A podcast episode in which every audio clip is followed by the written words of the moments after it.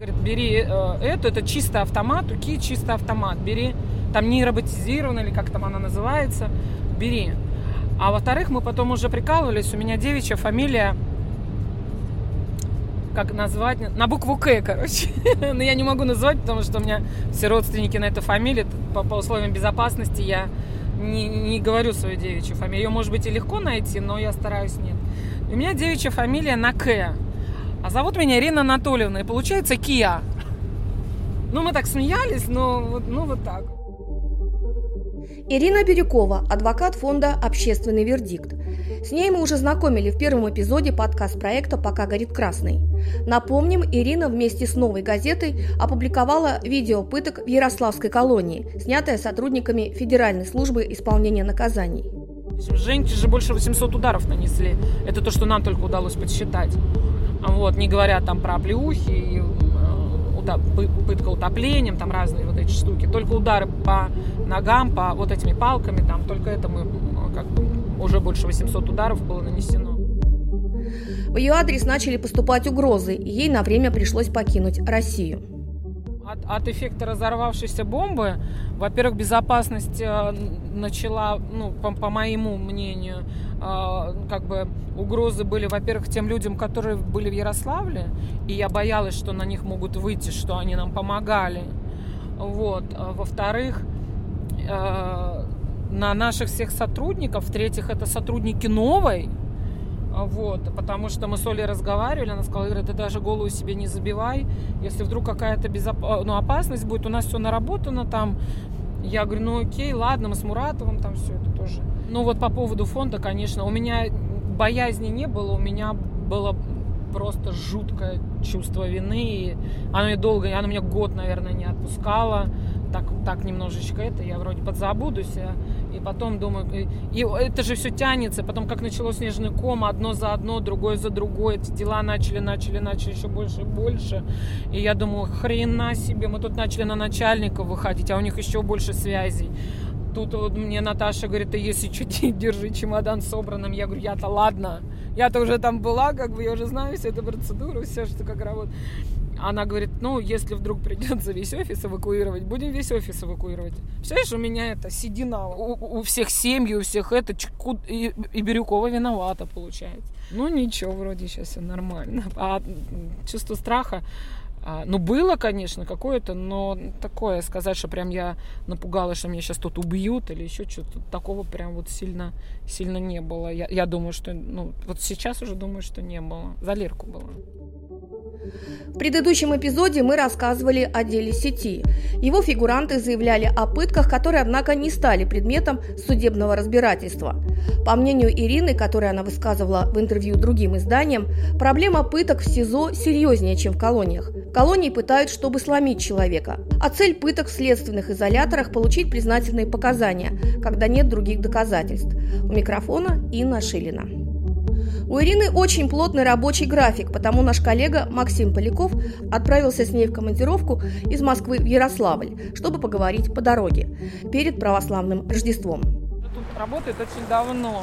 И он меня уже узнает, я ну, часто на этой заправке останавливаюсь, в основном на это, она очень удобная. И он мне как-то говорит, слушайте, вы так часто ездите, ну, я ему там всегда денежку даю, он такой, вы так часто ездите, вам, говорит, шофер не нужен. Так, здесь можно кофе, там чего-то такое. Девятая. Моя. И мне еще сделайте с собой у вас какой-то рождественский, что-то какой-то был, по-моему, кофе, нет? Или не у вас? Не у вас играла, да? Давайте тогда раф. Да, на 400. Медовый или Дайте медовый.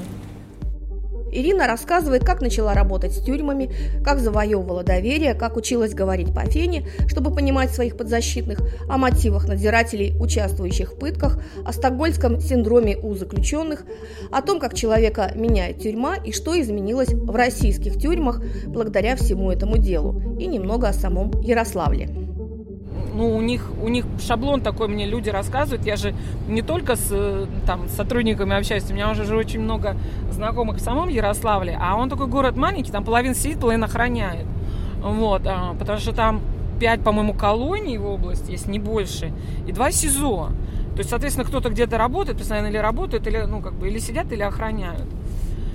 Ну, меня, меня уже там узнают в городе, даже в торговый центр приходишь уже, там, вон, или адвокаты в суде вообще вот аж пальцем тыкают, вон это она, это она. Прямо первое время вообще аж бесило.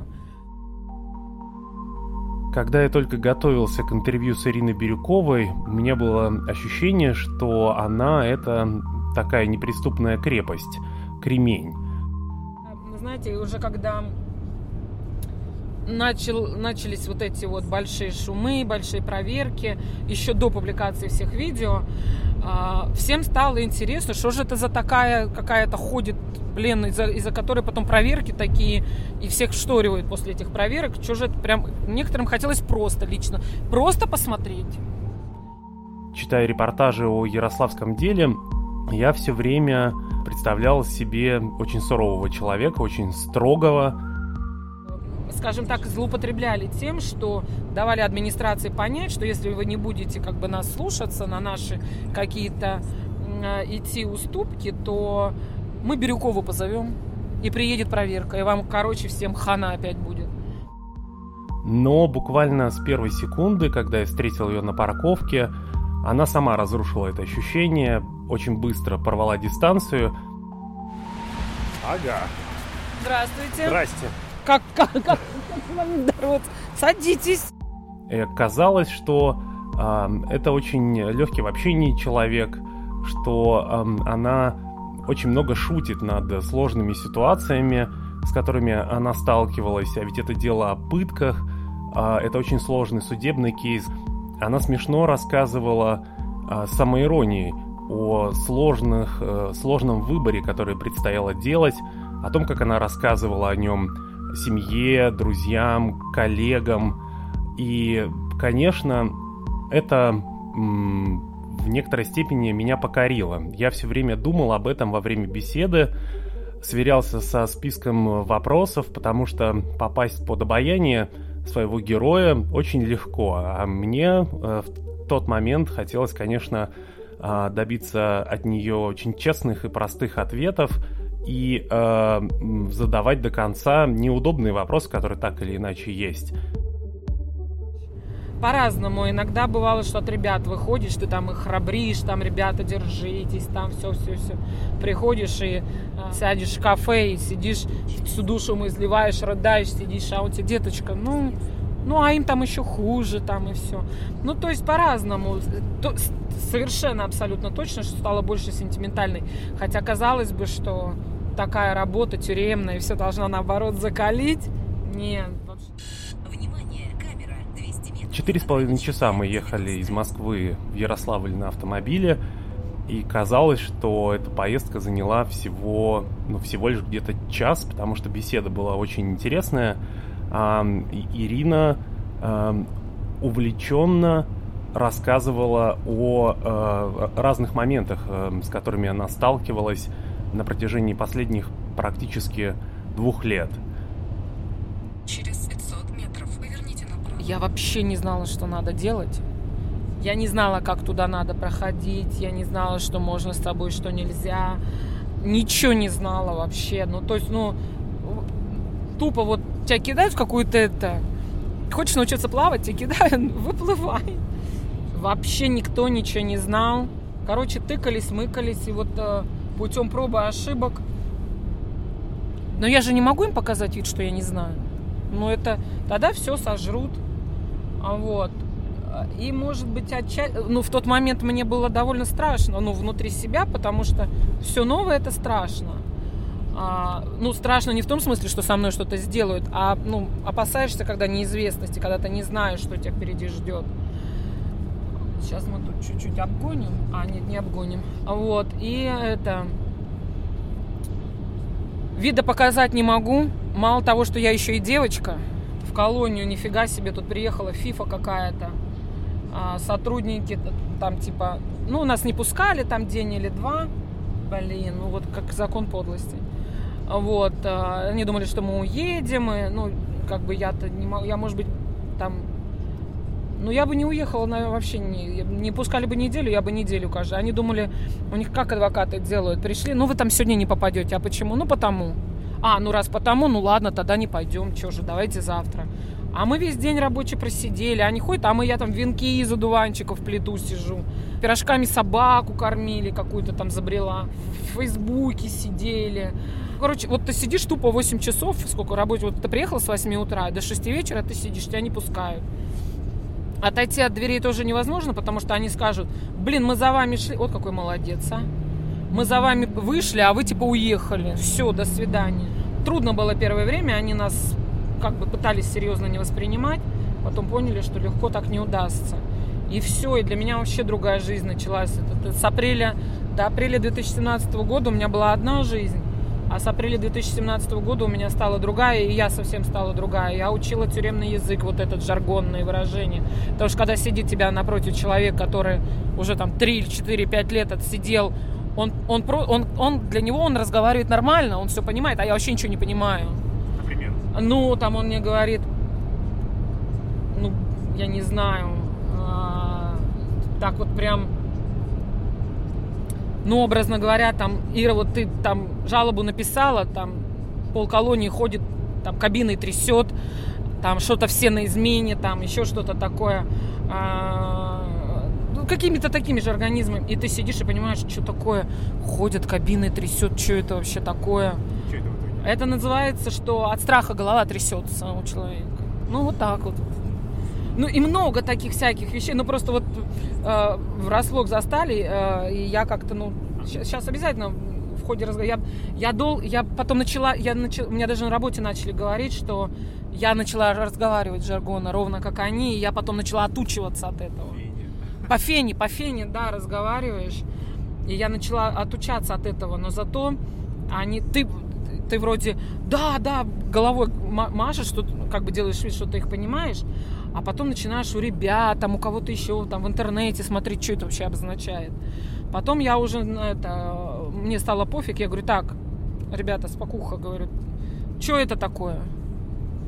Он, он говорит как-то там, т-т-т-т-т, а там, я не знаю, лепила там, да вот лепила пришел там или еще что-то, он там врач зашел, да, там, ну что-то какие-то такие. Я говорю, так, это кто?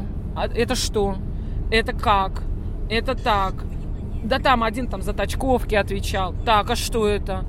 Начали рассказывать. И им, а, поскольку я-то приезжала не, не только когда что-то случалось, а тогда мы ездили вообще часто, мы э, чуть ли не раз в неделю ну, вообще там были.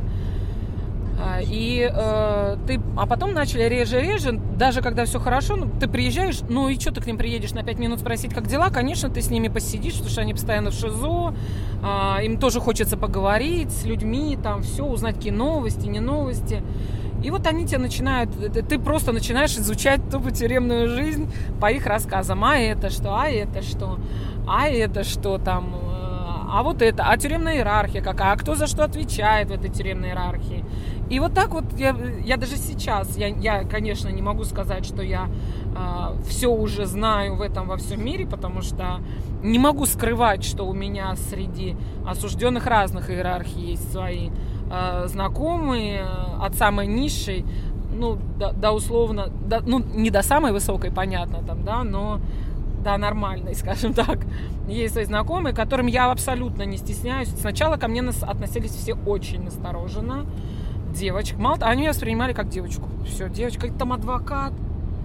Че она там вообще может? Какие-то, да ну нафиг вообще какая-то баба пришла, там что-то там, что-то я сейчас вам помогу. Да иди ты тут, блин, прокуратура ходит, не может ничем помочь. Девочка тут пришла, я вам сейчас помогу. Я первое время там одевалась, глухие водолазки, вот это все, там минимум косметик. Потом вообще уже они мне, они уже мне начали диктовать, так, это Ир, вот это тебе как-то не очень идет. Ты вот лучше в брюках не ходи, ходи вот, те вот, мы видели там вот платье, вот хорошо, давай вот, вот в платье. Некоторые влюблялись, что тут говорить, потому что, ну, ты сидишь там несколько лет, у тебя там ни жены, грубо говоря, нет, или уже нет жены, да, или еще нет, или ушла, или там еще что-то такое. И они, да, написывать мне. Или там э, узнавали мой телефон. Э, не ребята, с которыми я работаю, а там, ну, знаю случаи, когда мой телефон продавали, э, номер. Э, и э, ну, вот чтобы за, за что-то там, за чай или за что-то, чтобы у человека проблема, А я запретила строго-настрого давать свои телефоны, потому что мне начинали звонить по ночам. Они же по ночам могут звонить. И мне начинали звонить по ночам, просто посоветоваться, как куда-то жалобу написать. Но не экстренный какой-то случай. Для них началось это развлечение. Фига себе, баба по колониям ездит, да? Вот так вот приезжает просто потрындеть. Нормально вообще, нет? А адвокатам же можно проходить в любое время. Она такая приехала, у нас все хорошо, и сидит с тобой час, еще там трындит. а, Там о мире во всем мире. Вот. а, И они, некоторые придумывали, что у них там ситуация вообще задница. Ты приезжаешь, начинаешь разговаривать, а они тебе просто так улыбаются, сидят. И я запретила свой телефон вообще кому бы то ни было давать. Я говорю, будете давать? Я говорю, я к вам ездить не буду. Потом э, начали написывать какие-то, вы меня не знаете, но мне вот ваш телефон дали, а вот, вот, а вот помогите, а вот там, например, э, ну, там ехать, например, не надо было, а проконсультироваться о том, что, ну, не секрет, что в каждой колонии есть телефоны, да, и вот они там пишут смс что там, например, а вот жене о, не перечисляют с моего личного счета зарплату, там, а, ребенку, там, туда-сюда, жить не на что, а что сделать, а помогите, ну, какие-то такие консультации. Ехать не надо, ты им пишешь, что сделать, а вот, а потом какие-то там без уже начинали, э, там, «И- Ира, здравствуйте, вот спасибо вам, что вы вот там нам помогаете, у нас тут вот сейчас легче стало. А человек меня лично не знает, и я его лично не знаю, просто вот пишет а, там, WhatsApp или смс-кой туда Ну, ты его как-то стараешься поддержать, там, да, пожалуйста, там, ну, вы там держитесь, там, все такое. А они воспринимают вот эту поддержку, как будто ты э, ну, там, с ними флиртовать, начинать. Но я не знаю, мне так, ну, вот с моей точки зрения, мне так кажется, что какой-то, да, что я как-то вот, а, они тут начинают выставлять э, в WhatsApp разных или там во ВКонтакте аватарки свои, там, покрасившие, еще что-то такое. Или свои фотки начинают присылать у аквариумов в комнате отдыха, там еще что-то. Ой, вообще, у меня прям рисунки свои какие-то. Потом начинают там многие писать, там всякие там, ну, в любви там не, не прям, что прям в любви признаваться, но вот, ну, завуалировано такое вот все. Приходится обре- обрывать, обрезать, кого-то банило, кого-то блокировало, кто-то очень агрессивно начинал, а, блокировала, банила, всякие такие ситуации.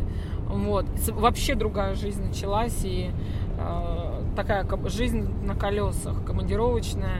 И у меня мир перевернулся, потому что я начала изучать, э, я начала смотреть вот эти все э, в интернете и фильмы, и какие-то ролики про тюремные, э, тюремную жизнь, как что, какие порядки. Потому что ты, когда разговариваешь с ним, очень трудно у них завоевать доверие. Вот. И, и, и это, во-первых, по времени долго происходит, а во-вторых, когда человек долго сидит, у него доверия вообще никому нет. А тут еще какая-то вообще не пойми пришла, еще и бесплатно. Еще от какой-то, от какой-то организации. Еще жалобы пишет, прикинь, денег не берет. А еще и в суды ходит вообще это. Как это вообще нонсенс? А, они вообще не понимали, как это так возможно. Ну, то есть, и они думали, что в конце потом счет выка- выкатится от адвоката из Москвы. Это же какие траты, причем там по нескольку дней бывает. И постоянно ездишь, и все такое. Для них это все непонятно. Было очень страшно. И доверие очень долго заслужило. Год, наверное, прям сложно А было. в какой момент вы поняли, что в смысле вот доверие получилось? Е- да, ну я не могу сказать, вот там в четверг 13 числа я прям завоевала доверие. Нет, но с каждым человеком разное время. С кем-то очень быстро, с кем-то очень долго. А, ну, всегда по-разному. Но с кем-то, например, вот у меня было как-то с первого случая так повелось, еще когда я не занималась этой тематикой, только-только адвокатом э, стала. Первое мое посещение в СИЗО было. Сидишь же долго, всегда ждешь, когда тебя пропустят. А пожрать-то хочется. А что ты туда бутерброды с колбасой-то не нарежешь? Обычно что брали? Конфетки, шоколадки, что-то такое. И вот э, как-то я прошла в СИЗО, и у меня конфет птичье молоко лежали в кармане. И сидит э, тоже э, по экстрадиции было дело парень. Он меня не видел никогда, и я его никогда, естественно, ну тут я захожу, он настороженно сидит, относится, какой-то бесплатный адвокат приехал, девчонка говорит, молодая, что надо-то от меня вообще? А, И я понимаю, что что-то надо как-то делать, чтобы его расположить к себе. И он мне что-то, я его начинаю опрашивать, там что-то там пишу. А он сидит, и он, я понимаю, что он взвешивает каждое слово. Вот. Я ему говорю, хочешь, хочешь конфету? Он раз такой вообще завис. Говорит, в смысле? Я говорю, ну конфет, хочешь птичье молоко? Я говорю, что в смысле? Конфету будешь? Буду. Я ему даю птичье молоко, сама такая. Тут самое главное не просто дать, а еще и самой. Я говорю, да не отравленное ешь. Он такой, а можно я потом с чаем? Я говорю, можно. Ну и все, и вот, и вот так повелось, что я после этого случая как-то... У меня всегда с собой был, была или конфетка, или там шоколадка, или что-то такое. И вот к ребятам я тоже заходила, тоже это самое... Вот с кем как? С кем вот конфету он пополам поделишь?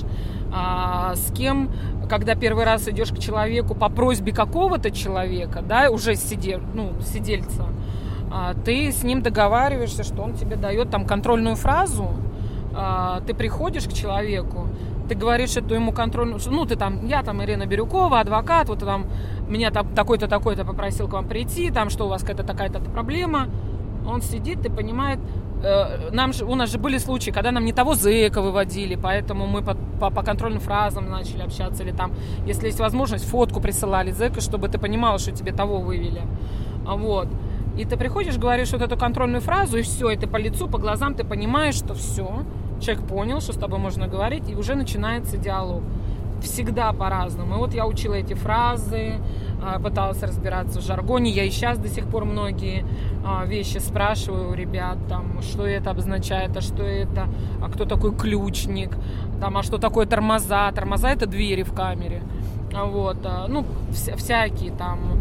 Э, Они мне рассказывали истории, как они картошку жарили в раковине на горячем полотенце, там, например. Ну, такие всякие штукенции. Вот, и э, много-много чего там. Я говорю, можно книгу вообще писать. И одно время я заговорила на этом языке, потому что э, когда ты начинаешь встречаться с людьми, уже даже с теми, кто уже освободился, э, какой-то вопрос надо решить, и это не обязательно пытка. То есть тебе это же такие дела, когда тебе надо кучу разных вопросов решать с разными людьми, не только с людьми в форме. А Вот. И ты, когда начинаешь с людьми разговаривать, ты должен говорить на их языке. Чтобы они тебя понимали, и что они, чтобы они поняли, что ты свой человек, что тебе можно доверять. И я начала замечать, что я начала разговаривать на таком языке, я потом начала отучиваться. Но все вот эти, я спрашивала про, про всякие карточные игры, кто что, кто чего. Ну так, довольно... И, ну, сейчас могу сказать, что я не очень плохо во всем этом стала ориентироваться, очень помогает в работе. И, потому что оно же и сотрудники, с которыми ты сейчас имеешь дело, они же на этом же языке разговаривают и этой же жизни живут. И все. И вот теперь Ирина Бирюкова совсем другая. А, плакать стало больше, кстати, почему-то. Стало больше сентиментальной, но не знаю почему. Раньше у меня не, не замечала такого, что... а, Может быть, потому что постоянно ты в стрессе, и какие-то ситуации, это просто, ну там, что называется, печенька не так легла, да, и ты уже сидишь, «А, рыдаешь. Часто вы в Ярославль ездите так? Последний год я чаще там, чем в Москве. А, ну, потому что такие активные процессы там. У нас сначала следствие, потом сейчас потихоньку суды начинаются. А, потом у меня ребята в колонии в разных, там же много колоний, ребята в колонии в разных много сидит. Их навещаю, стараюсь раз в месяц, даже если ничего не случилось, стараюсь раз в месяц их навещать. Коллега пишет. Вот, чтобы проверить, там все у них в порядке, не все. Ну, у них, конечно, все в порядке, их боятся сейчас трогать. Вот, но все равно стараюсь навещать, тем более они у меня в основном нарушители порядка, потому что пишут жалобы везде, и их закрывают ШИЗО постоянно. И, соответственно, у них э, нет э, чаще всего свиданий с родственниками, там, с женами. Вот, и поэтому получается так, что я иногда единственная, кто их навещает какое-то долгое время. А я, Поэтому... Мгм. я понимаю, что в смысле для наших друзей, коллег и так далее это известное дело, но вы можете рассказать вообще, что это за ребята, Да. что это за дело? Ну, вообще много там дел, там уже больше шести дел, уже ближе к десятку подходит. Это э, основное, самое первое дело было, ну, самое, имеется в виду нашумевшее такое, которое все знают. Почему-то только с ним, с этим делом ассоциирует Ярославль, хотя там сейчас очень много довольно нашумевших дел. Это пытки Жени Макарова в э, колонии номер один Ярославля, когда мы с «Новой газеты» публиковали видео его избиения, 10-минутное видео избиения его. А, Вот. И э, начался такой большой шум, ажиотаж. И много, сколько у нас получается, 15 сотрудников под стражу попали. Потом взяли э, под домашний арест начальника и заместителя начальника колонии. Им сейчас меняют организацию пыток. Ну, и из этого дела уже пошли ряд других дел помельче. И у нас даже два сотрудника а, упросили следствие, скажем так, заключить с ними досудебное соглашение. Это что значит для- Это- для вас? э, Досудебное? Да.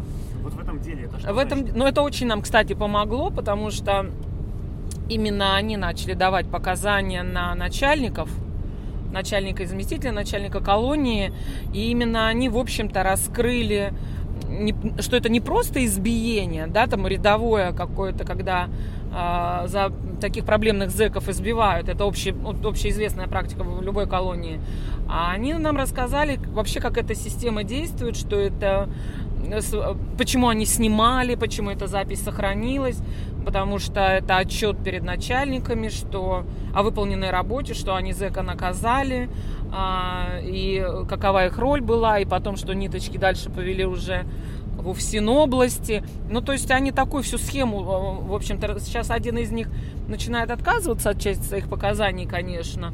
Но я думаю, это нам не очень помешает, потому что он изначально их давал довольно подробно и с адвокатом, поэтому...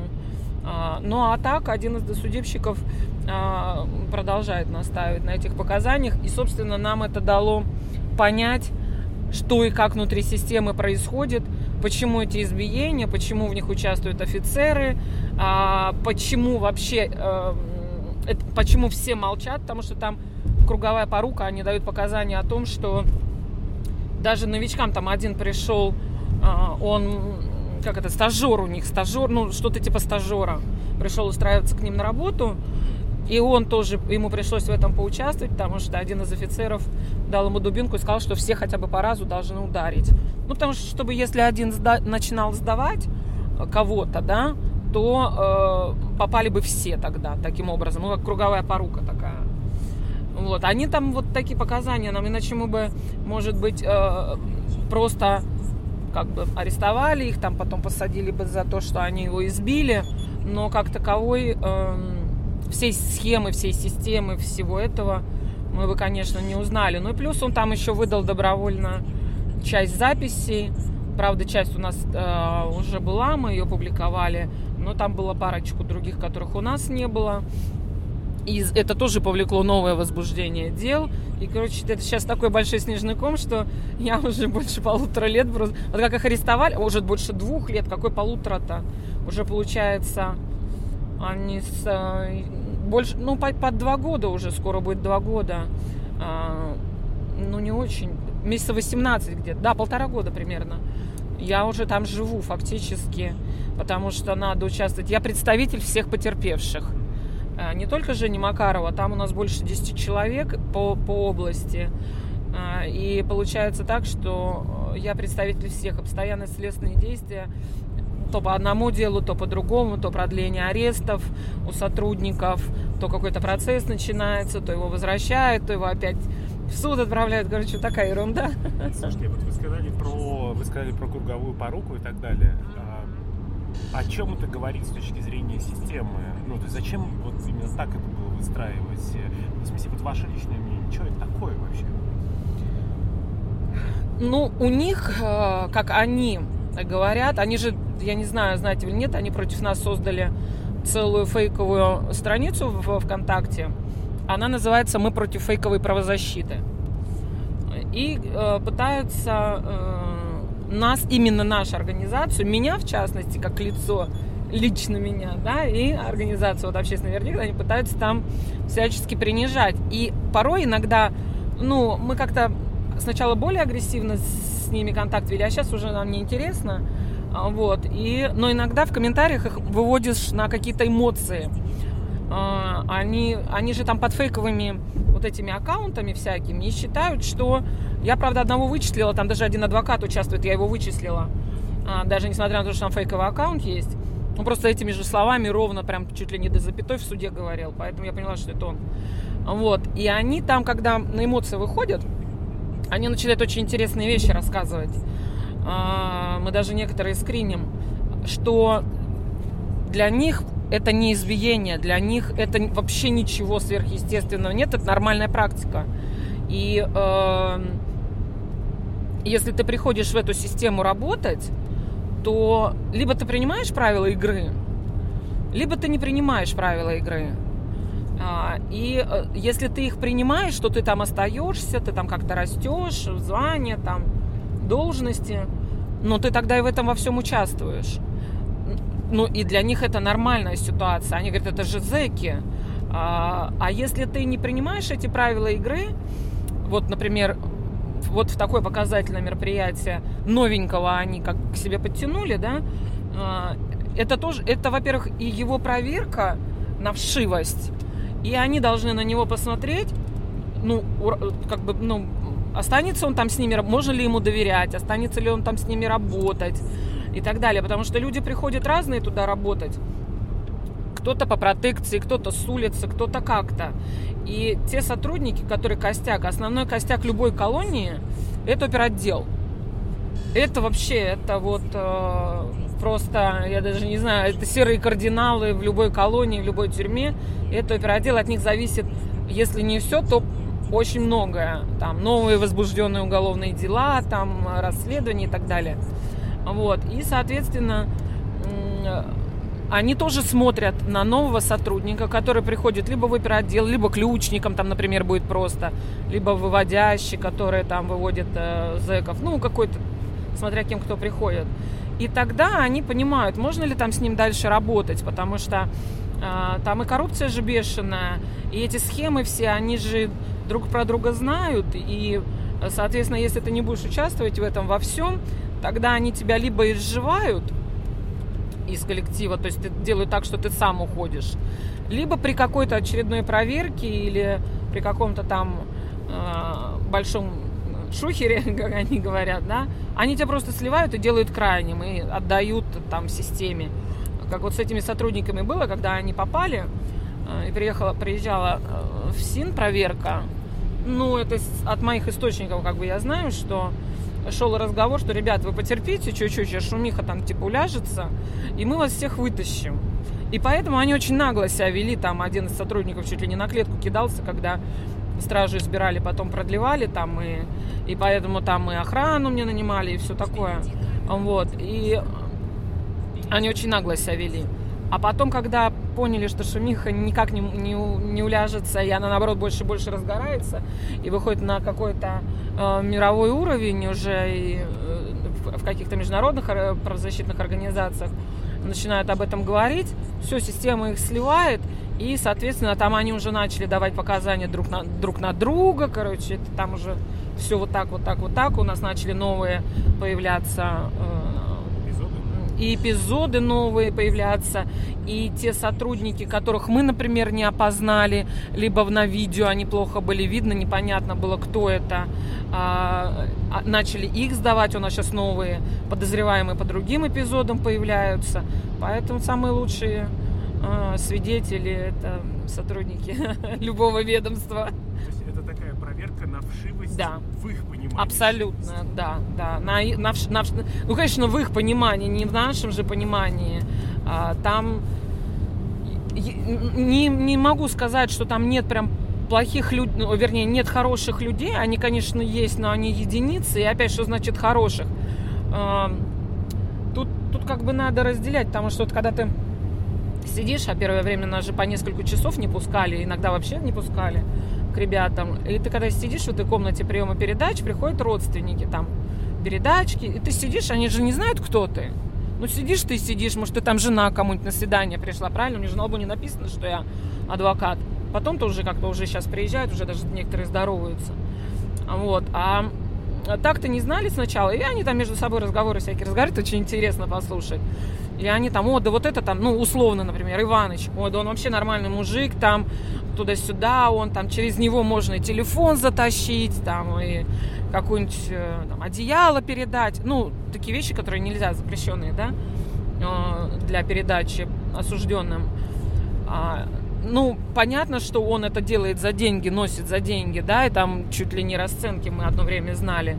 Вот. А со стороны зэков это тоже, с одной стороны, нормальный а, сотрудник. Для них это нормально, он за деньги носит им какие-то там ништячки, да. А для нас он ненормальный. Нет, понятное дело, что мы-то не против, что там зэки будут получать какие-то свои ништячки, которые, ну, а, невозможно при каком-то более жестком руководстве получать, но с другой стороны, и меня все время поражала фраза, и он сильно не лупит, если, ну, даст там тебе пинок там или оплеуху по башке, ну, там за дело, за какое дело? Ну, ты там что-нибудь там сделал или сказал, там на него матом там ругнулся. Я, кстати, могу во время дороги ругаться матом иногда, да, потому что движение такое бывает, не очень. Вот, а, и говорит, ну, даст там пинка там, или вот сейчас даже у меня ребята, по сотрудникам, которые уже арестованы. Они даже начинают за некоторых просить, Ир, ты там вот с этим не жести, нормальный вообще пацан. Я говорю, в смысле нормальный пацан, он там 35 ударов тебе дубинкой там нанес. Ты что, какой он нормальный? Да не, ну он так-то нормальный, ну он же там там он так-то не бил, вообще нет. Я говорю, в смысле не бил? Ты, ну, на пленке-то есть, и наверняка не тебя там, например, одного. Да не, ну он так-то вообще, он там и а, там, сигарет даст, еще что-нибудь там на телефон иногда закрывать. Ну, то есть у них вот такое вот. Да, вполне. Э, э, и на некоторых сейчас, на некоторых злые очень, на некоторых сотрудников очень злые. И там у кота их там чуть ли не по жизни. А к некоторым уже и с течением времени я понимаю, что реально стокгольский синдром в действии вообще. Абсолютно. Сейчас уже даже некоторых жалко. И ну ладно, ну там пусть ему дадут за отсиженным, пусть он выйдет там. Хотя первое время было так, что Ира, там их давай вообще посадим, давай посадим их там и так далее. Это не, не только Женя Макаров, кстати, он тоже про некоторых сотрудников говорит, э, что Ир, ну вот этот вроде нормальный чувак там.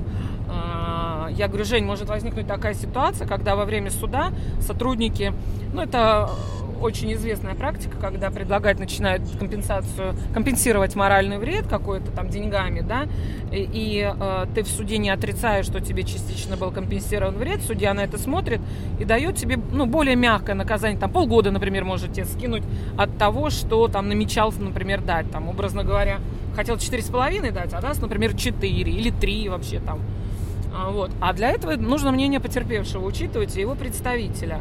А, и вот ко мне адвокат, я уже слышала со многих сторон, что многие хотят из сотрудников компенсировать вред, но мне боятся звонить адвокаты.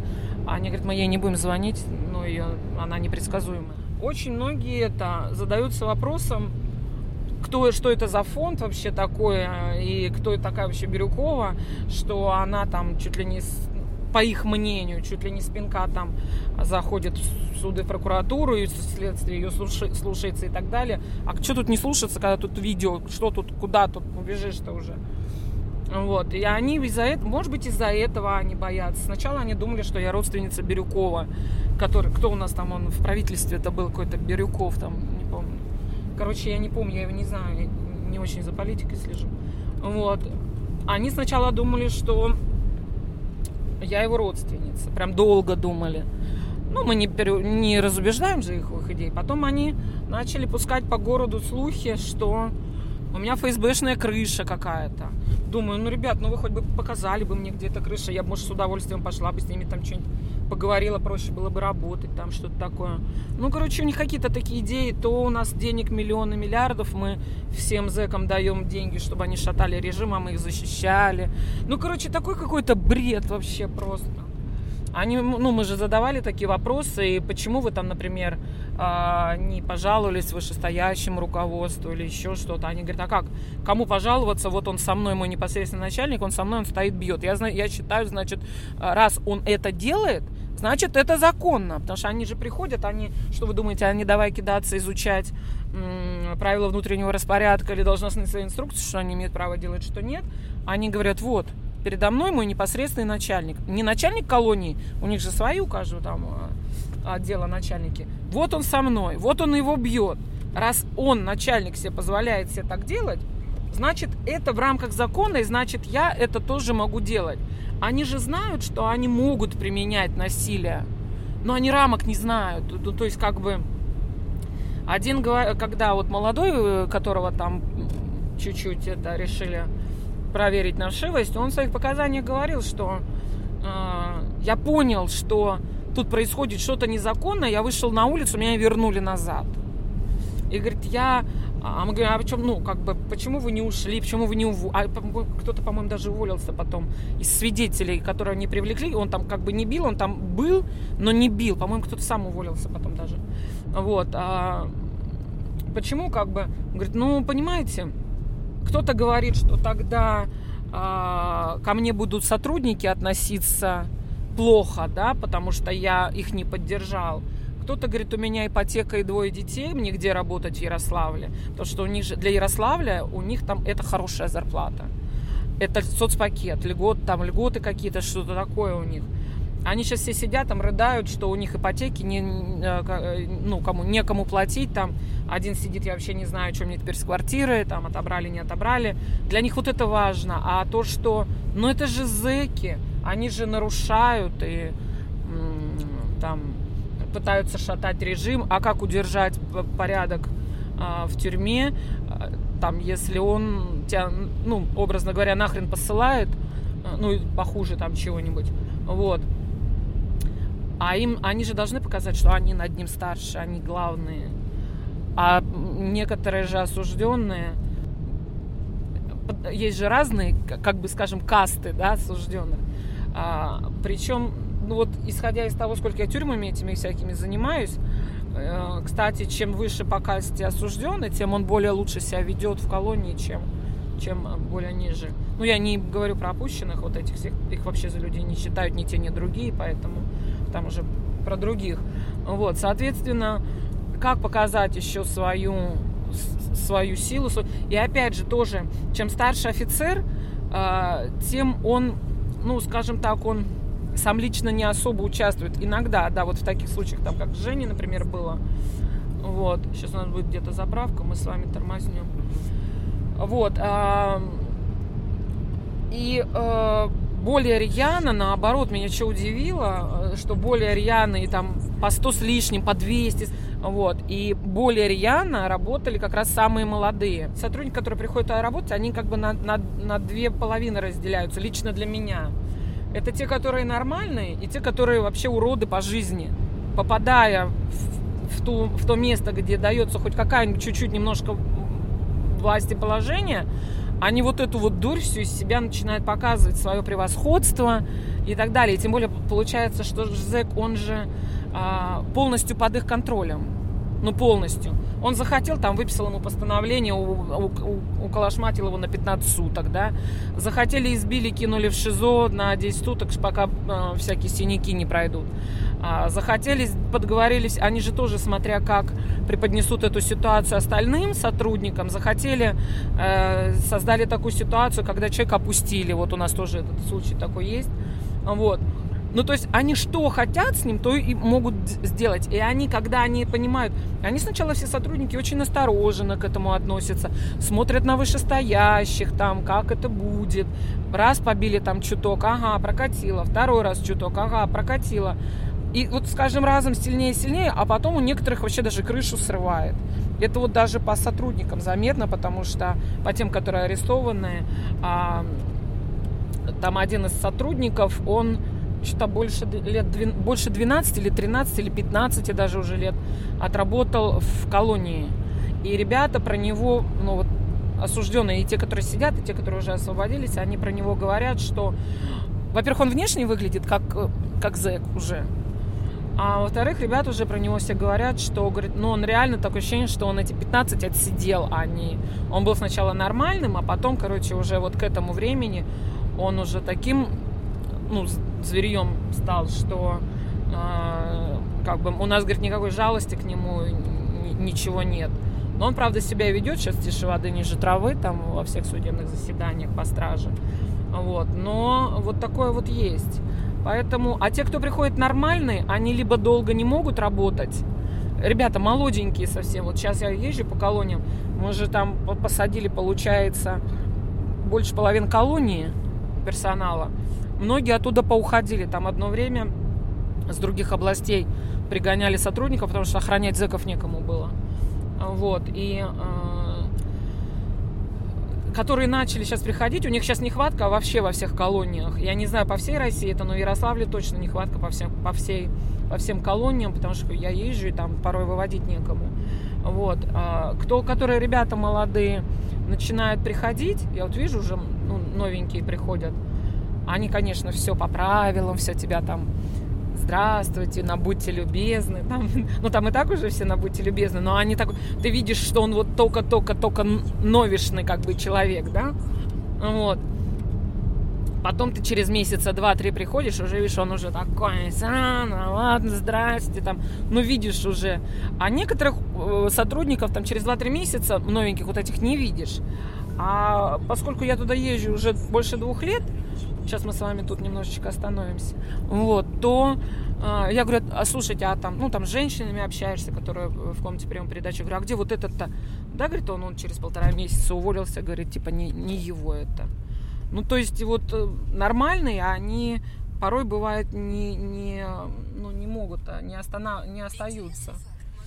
Вот, а если остаются на, ну, на дольше, то их системы под себя ломают все равно так или иначе. Что поменялось в России в целом и в этой системе, в частности, с момента того, как эта история началась? Ну, самое первое, это о пытках начали говорить хотя бы. Раньше, ну сколько у нас можно, сколько сюжетов в Ютубе найти, когда людей бьют в тюрьмах более, более ранних, чем мы давали, да? Э, сейчас понятно, сейчас начали, начали публиковать уже за нами, уже все понятно. И мы продолжаем публиковать. И у нас еще есть, мы там подготовим некоторые сюрпризы. Вот, но начали говорить о пытках раз, начали признавать, что это проблема.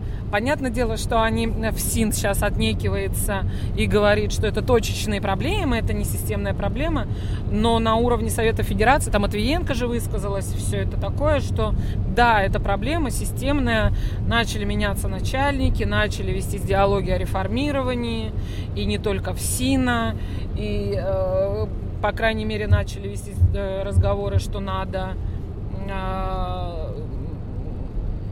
надо вводить статью пытки, чтобы увести это из должностных преступлений, чтобы это была отдельная категория, там с разными отягчающими. Начали, по, по крайней мере, пытаться выходить на диалог с правозащитными организациями. Но для меня самое главное, даже сейчас, спустя вот сколько мы в 2018 году дали, уже больше полутора лет прошло, мне даже сейчас приходят, даже из колоний пожизненных жены, которые приезжают там к ним на свидание, потом уезжают, передают спасибо от их мужей, что э, подняли эту тему, что даже у них там колония для пожизненников, это, ну, закрытия системы вообще нет. Она тюремная и так закрыта, а это вообще закрытия нет даже туда доходит, даже там стали лучше условия. Он говорит, нас хотя бы перестали бить. Вот, ну вот, вот это самое главное. До сих пор, как бы, получается, тайна по поводу самого первого видео, которое прислали. Как, чего, откуда. Да, да это тайна, да? Это тайна. Это тайна, и даже об этом не... я вот из последней моей информации из стана врага, скажем так, от сотрудников, и для них до сих пор это тайна. И мы и я так горда, и мы так горды, что у меня даже на работе не а, только Наташа знает, откуда запись а, никто больше не знает на работе. Нет, знают, как она ко мне пришла, что мне ее там по WhatsApp переслали, да. А вот. Но кто, откуда, как, а, это такая была очень серьезная такая операция, ни одного дня, а, вот. А, я знала, что есть какое-то видео, но я думала, что, ну, то есть мне сказали, что, а как вы там, типа, отнесетесь к тому, что вот есть видео там, как Женю, например, бьют. Я говорю, это все херня. Если бы оно было, оно бы уже у меня было. Ну и как-то вот так потихоньку-потихоньку эти переговоры, там что-то туда-сюда, поди сюда. А, и, в общем, это тайна. У них э, по, последняя версия сотрудников, кто-то мне пытался все дозвониться, по последней версии сотрудников, сначала у них была версия, что нам дали денег, чтобы мы это опубликовали, чтобы расшатать систему э, ФСИН, а, а поскольку мы работали плотно в Ярославской колонии, то именно вот начиная с Ярославля. Потом они поняли, что что-то эта их версия ни хрена не работает. Они решили, что мы дали денег а, кому-то, по-моему, из сотрудников, что ли. У кого-то из сотрудников, кажется, у них была версия, что мы выкупили запись. Вот. Тоже не с растуха, они там а, почти все управление через а, полиграф провели. Вот. Последняя версия где-то месяца 3-4 давности, вот примерно так.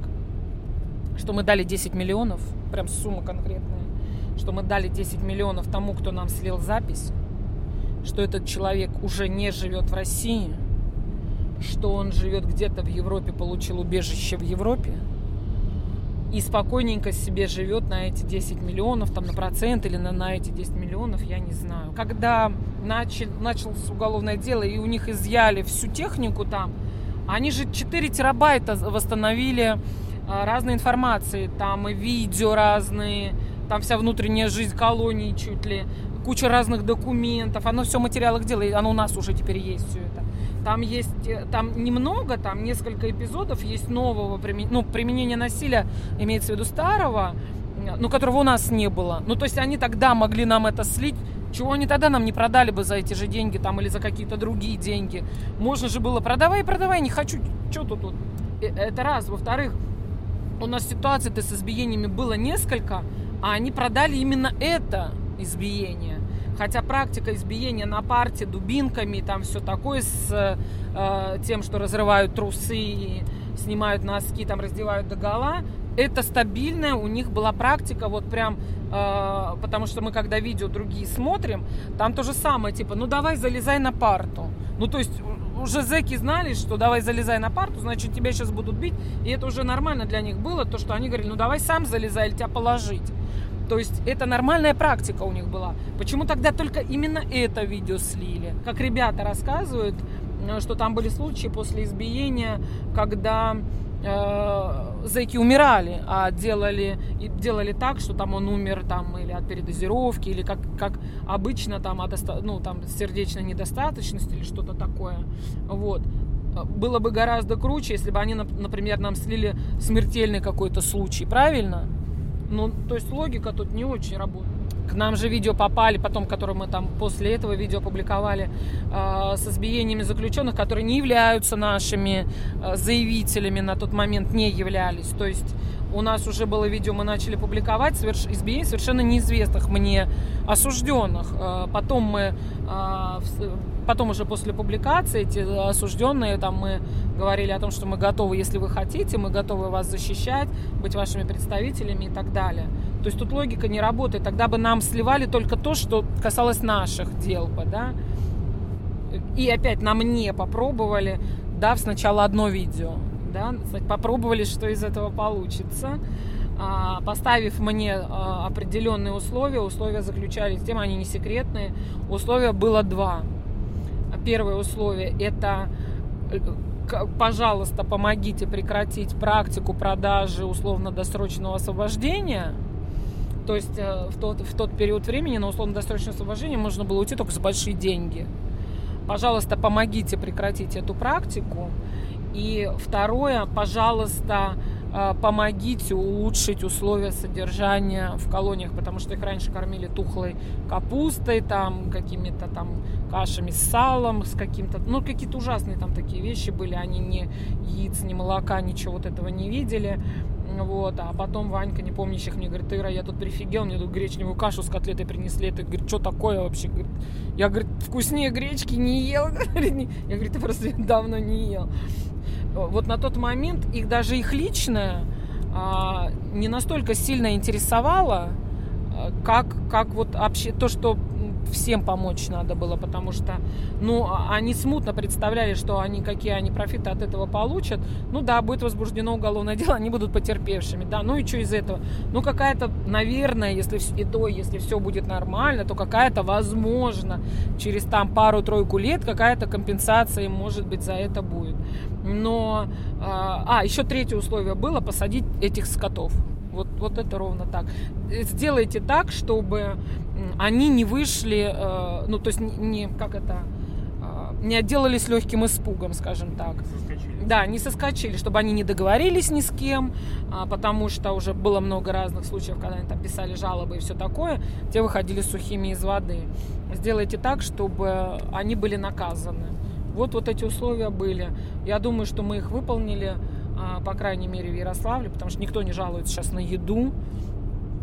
А, здесь, по крайней мере, никто не жалуется на еду. А, все говорят, что перестали бить. Ну, жалоб, вот прям вот таких жалоб на условия содержания, ну, на избиение же вообще нет, а на условия содержания, прям ну, серьезно скажу, что сильно меньше. Даже к ребятам приходишь, говорю, ну, блин, ну, ну что-нибудь, хоть у вас там что-нибудь, все нормально? Да все нормально, точно все нормально. Как кормят? Нормально кормят. Единственное, что там типа масло сливочное перестали давать.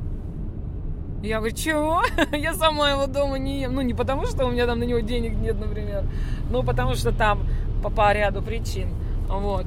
Ну, масло сливочное перестали. А, Ир, что-то вот тут там это, тот раз рыбу какую-то там плохую жареную дали. Я говорю, вы давно вообще ее едите так?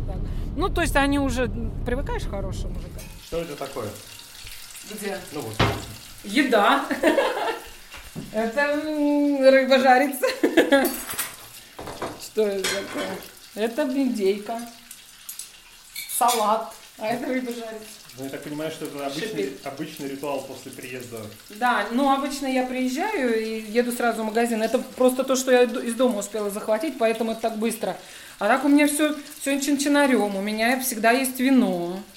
А, я жарю либо рыбу. Если гости ко мне приезжают, ну просто многие рыбу не едят, и я наоборот, ну больше ем рыбу, чем там курицу или мясо. Вот. А когда приезжают гости, я, ну, многие не едят, поэтому у меня, значит, два блюда. Либо рыба э, там с чем-то, и, и мясо, или курица с чем-то. Вот. Вот она жарится.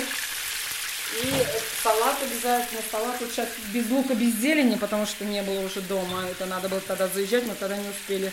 Я бы не успела вас покормить. А Вот. А так у меня обязательно салатик, э, сырок, колбаска, какие-то фрукты, чтобы вино было. Ну, всегда так. Поэтому ко мне любят в гости приходить. Иногда бывает, есть что поесть. Ты приехала, да, есть что поесть, сейчас приеду. Ну, давай.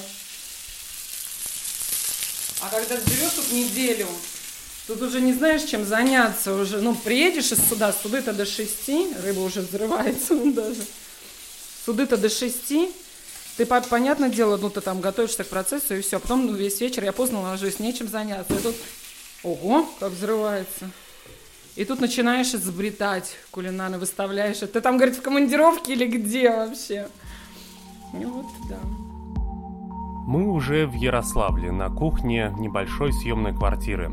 И Ирина рассказывает о том, что она узнала о жизни заключенных за последние пару лет, об их привычках и даже о пристрастиях в еде. Что ты готовишь? А это что там? А это вот что? А это а ты что туда добавил? И, и едят в основном все очень простую еду.